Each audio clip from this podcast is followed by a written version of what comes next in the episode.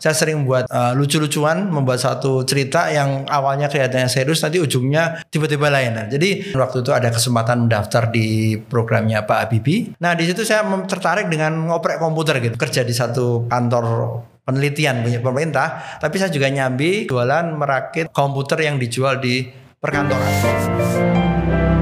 Jumpa lagi di Suhu Talk bersama saya beliau Bapak Surahyo Sumarsono Selamat datang Pak Surahyo. Ya beliau ini akrab dipanggil Pak Yayo ya. Beliau ini seorang akademisi, praktisi di bidang teknologi informasi. Kalau bicara kepakarannya, beliau ini bisa dibilang sangat senior ya. Latar belakang pendidikannya juga sangat menarik karena beliau ini mengambil pendidikan rata-rata di luar negeri semua, bukan rata-rata semuanya ya Pak ya. S1-nya di Jepang, kemudian S2-nya atau gelar masternya di Australia, kemudian saat ini masih mengambil gelar doktoral di Belanda, benar ya Pak ya? Ya. Kemudian eh, ketika dibilang praktisi, beliau ini juga pernah menjabat sebagai salah satu direktur di perusahaan IT. Nah di situlah saya mengenal dekat dengan beliau. Beliau juga uh, punya perusahaan di jasa consulting juga di bidang teknologi informasi. Beliau ini sebagai seorang ataupun tenaga ahli ya Pak ya, tenaga ahli di uh, Kemenkes Eh, di bidang telemedicine. Kalau bicara masalah kepakaran ya, ya, ya bisa dikatakan suhu lah beliau suhunya di bidang teknologi informasi gitu. Uh, pasti tidak dilakukan lagi gitu ya.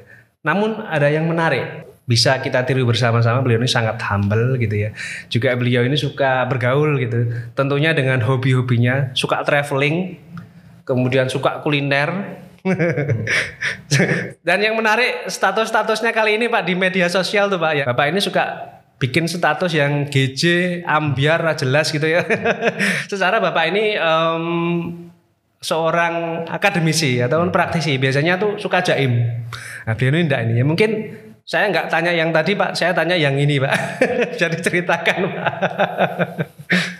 Baik, terima kasih kali pada Mas Isnen telah memberikan kesempatan saya untuk uh, ngobrol bareng di acara yang santai ini. Tapi juga saya yakin juga memberikan apa namanya mungkin pemahaman baru buat para pendengar dan pemirsa semua gitu ya.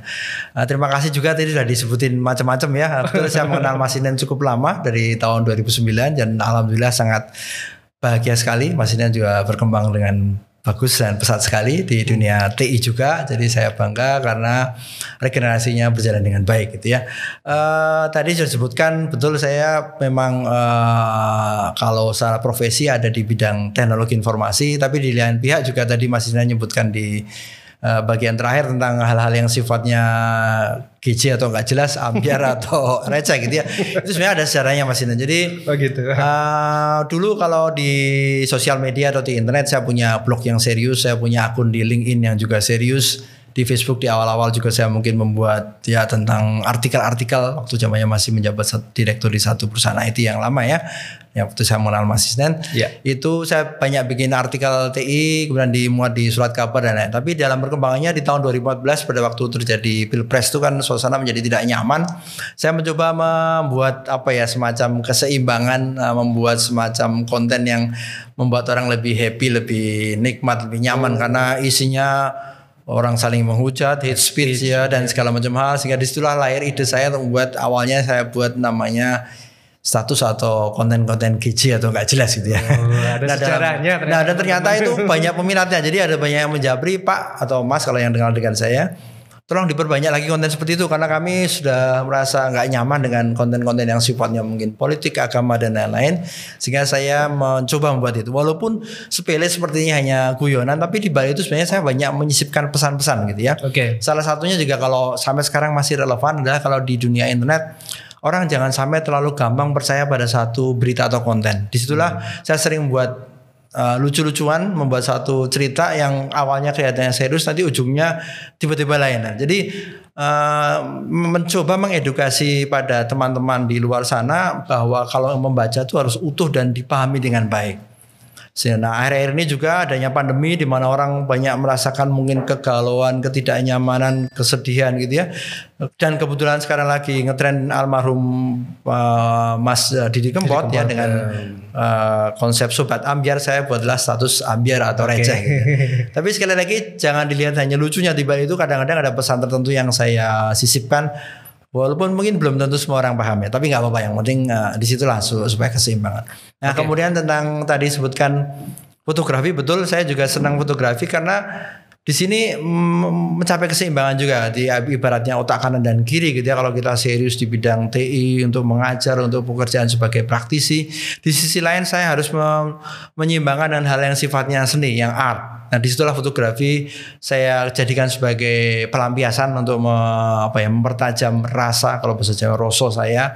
Untuk memahami ya, ya, ya, ya, ya. keindahan alam seperti apa dan segala macam saya tuangkan dalam bentuk gambar yang melalui media kamera Untungnya juga saya tadi sebutkan masih Senin senang traveling, saya kami keluarga sangat sering melakukan perjalanan. Karena di situ kami banyak belajar hal baru terutama saya kenapa senang traveling karena ingin mengajak anak-anak untuk memberikan pemahaman okay. hidup itu tidak selalu nyaman di rumah ya, mungkin ya. nyaman begitu kita di luar ketemu hal-hal yang sulit yang harus kita selesaikan waktu itu dan itu banyak pelajaran baru juga plus tentunya kebetulan kami berempat senang makan nah Wah, setelah ini.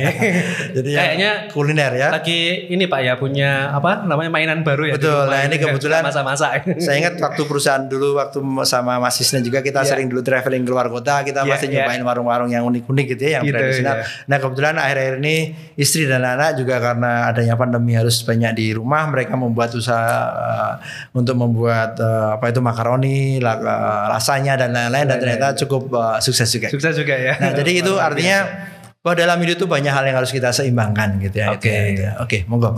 Inspirasi dari beliau hidup itu harus seimbang gitu ya ojo tegang, sing santai wae. Wis pokoknya ambiar apa-apa yang penting bisa menghibur gitu. Betul. Jadi yang menarik beliau ini tadi menyampaikan bahwa uh, di status-statusnya beliau ini ada memberikan pesan atau pendidikan bagi kita semua gitu ya. Oke Pak, jadi lanjut ini Pak. Tadi sudah ya. kita ngobrol santai, sekarang kita yang serius juga ini Pak. Siap. Tadi saya sudah sebutkan beberapa uh, karir Bapak gitu ya. Uh, mungkin bisa diceritakan Pak. Jadi sebenarnya ini perjalanannya panjang juga ini. Uh, kebetulan beberapa waktu lalu saya sempat juga diminta untuk ngisi kuliah Kapital Select tadi elektro UGM karena dulu saya sempat melamar di sana dan keterima. Dalam hal itu waktu itu uh, saya mencoba mengambil kuliah elektro. Waktu itu pertama kali uh, keterima di Indonesia. Kemudian waktu itu ada kesempatan mendaftar di programnya Pak Habibie, namanya STMDP, Science and Technology Manpower Development gitu ya. Di mana itu memberikan beasiswa S1 untuk mas, uh, para lulusan SMA di berbagai negara gitu. Jadi akhirnya saya mencoba melamar ke situ, alhamdulillah diterima dan saya berangkat untuk mengambil kuliah S1 di Teknik Elektro di Jepang di kampusnya di Murorang Institute of Technology gitu ya. Nah, di sana awalnya seperti biasa belajar elektro tapi dalam perkembangannya menarik karena di Jepang sendiri waktu itu kita tahu bahwa Jepang tuh unik dengan sistem yang spesifik juga gitu ya. Nah dalam mendekati waktu saya lulus tahun ketiga keempat itu ada uh, sistem operasi namanya DOSV gitu ya dari IBM yang masuk ke Jepang. Jadi sebelumnya itu Jepang mempunyai sistem operasi untuk komputernya yang berbeda sekali. Dan saya jadi sangat tertarik dan konsep PC rakitan. Jadi waktu waktu okay. tahun 80-an saya kemudian kuliah di tahun saya lulus SMA 87, kemudian mengikuti sempat kuliah sebentar di Indonesia, kemudian ikut pelatihan bahasa dan segala macam. Jadi resmi kuliah S1 di Jepang tahun 89 sampai 94 gitu ya untuk S1 saya. Nah, di situ saya tertarik dengan ngoprek komputer gitu ya. Jadi mungkin teman-teman okay. kuliah yang di Indonesia juga pada waktu senang komputer rakitan di Jepang tidak umum karena mereka kan semuanya PC adalah branded mungkin pernah dengan nama-nama besar Fujitsu, Epson dan lain-lain. Nah di lab saya kemudian saya diberi kewenangan profesor saya untuk ngoprek apa pun. Jadi saya senang ngoprek komputer, saya senang okay. belajar sistem operasi, saya mulai hmm. belajar tentang jaringan pakai Unix waktu itu dan lain-lain. Di situlah mungkin karir saya yang pertama kali untuk mengenal namanya teknologi informasi. Jadi zaman dulu hmm waktu saya lulus 94 itu istilah TI atau IT itu belum begitu populer. Orang lebih ke elektro dan lain-lain okay. dan segala macam. Kalau ilmu komputer mungkin ada ya. Oke dan akhirnya waktu itu saya sebagai orang yang dikirim oleh Pak Habibie saya kembali kerja di uh, Badan Tenaga Nasional di Serpong di Puspiptek Pusat uh, Ilmu Pengetahuan dan Teknologi sebagai peneliti Nah, selama empat tahun dari tahun 94 98 saya bekerja di sana terlibat beberapa proyek dalam pengembangan sistem dan lain-lain. Kemudian tahun 98 saya uh, mendapatkan kesempatan untuk mengambil kuliah S2 di Australia mendapatkan program dari ADS ya dari AUSAID.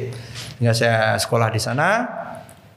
Nah di sini di explore lagi kemudian uh, topik uh, tesis saya juga ke IT lagi gitu ya. Kalau dulu S1 skripsi saya tentang uh, neural network gitu ya. Mungkin sekarang orang lagi ngetren dengan artificial intelligence okay. segala macam. Hmm. Nah tahun 90-an saya udah memulai belajar itu dengan matematika yang cukup rumit sekarang udah saya tinggalkan sih ya. uh, Jadi waktu itu saya di S1 membuat program untuk uh, mengenali adanya charge uh, sur, uh, apa ya semacam gangguan di jaringan listrik gitu ya dengan menggunakan neural network. Nah di S2 saya di Australia saya menggunakan fuzzy logic untuk mengontrol ATV All Terrain Vehicle yang digunakan untuk mobil pengambil sampel di lapangan dan seterusnya.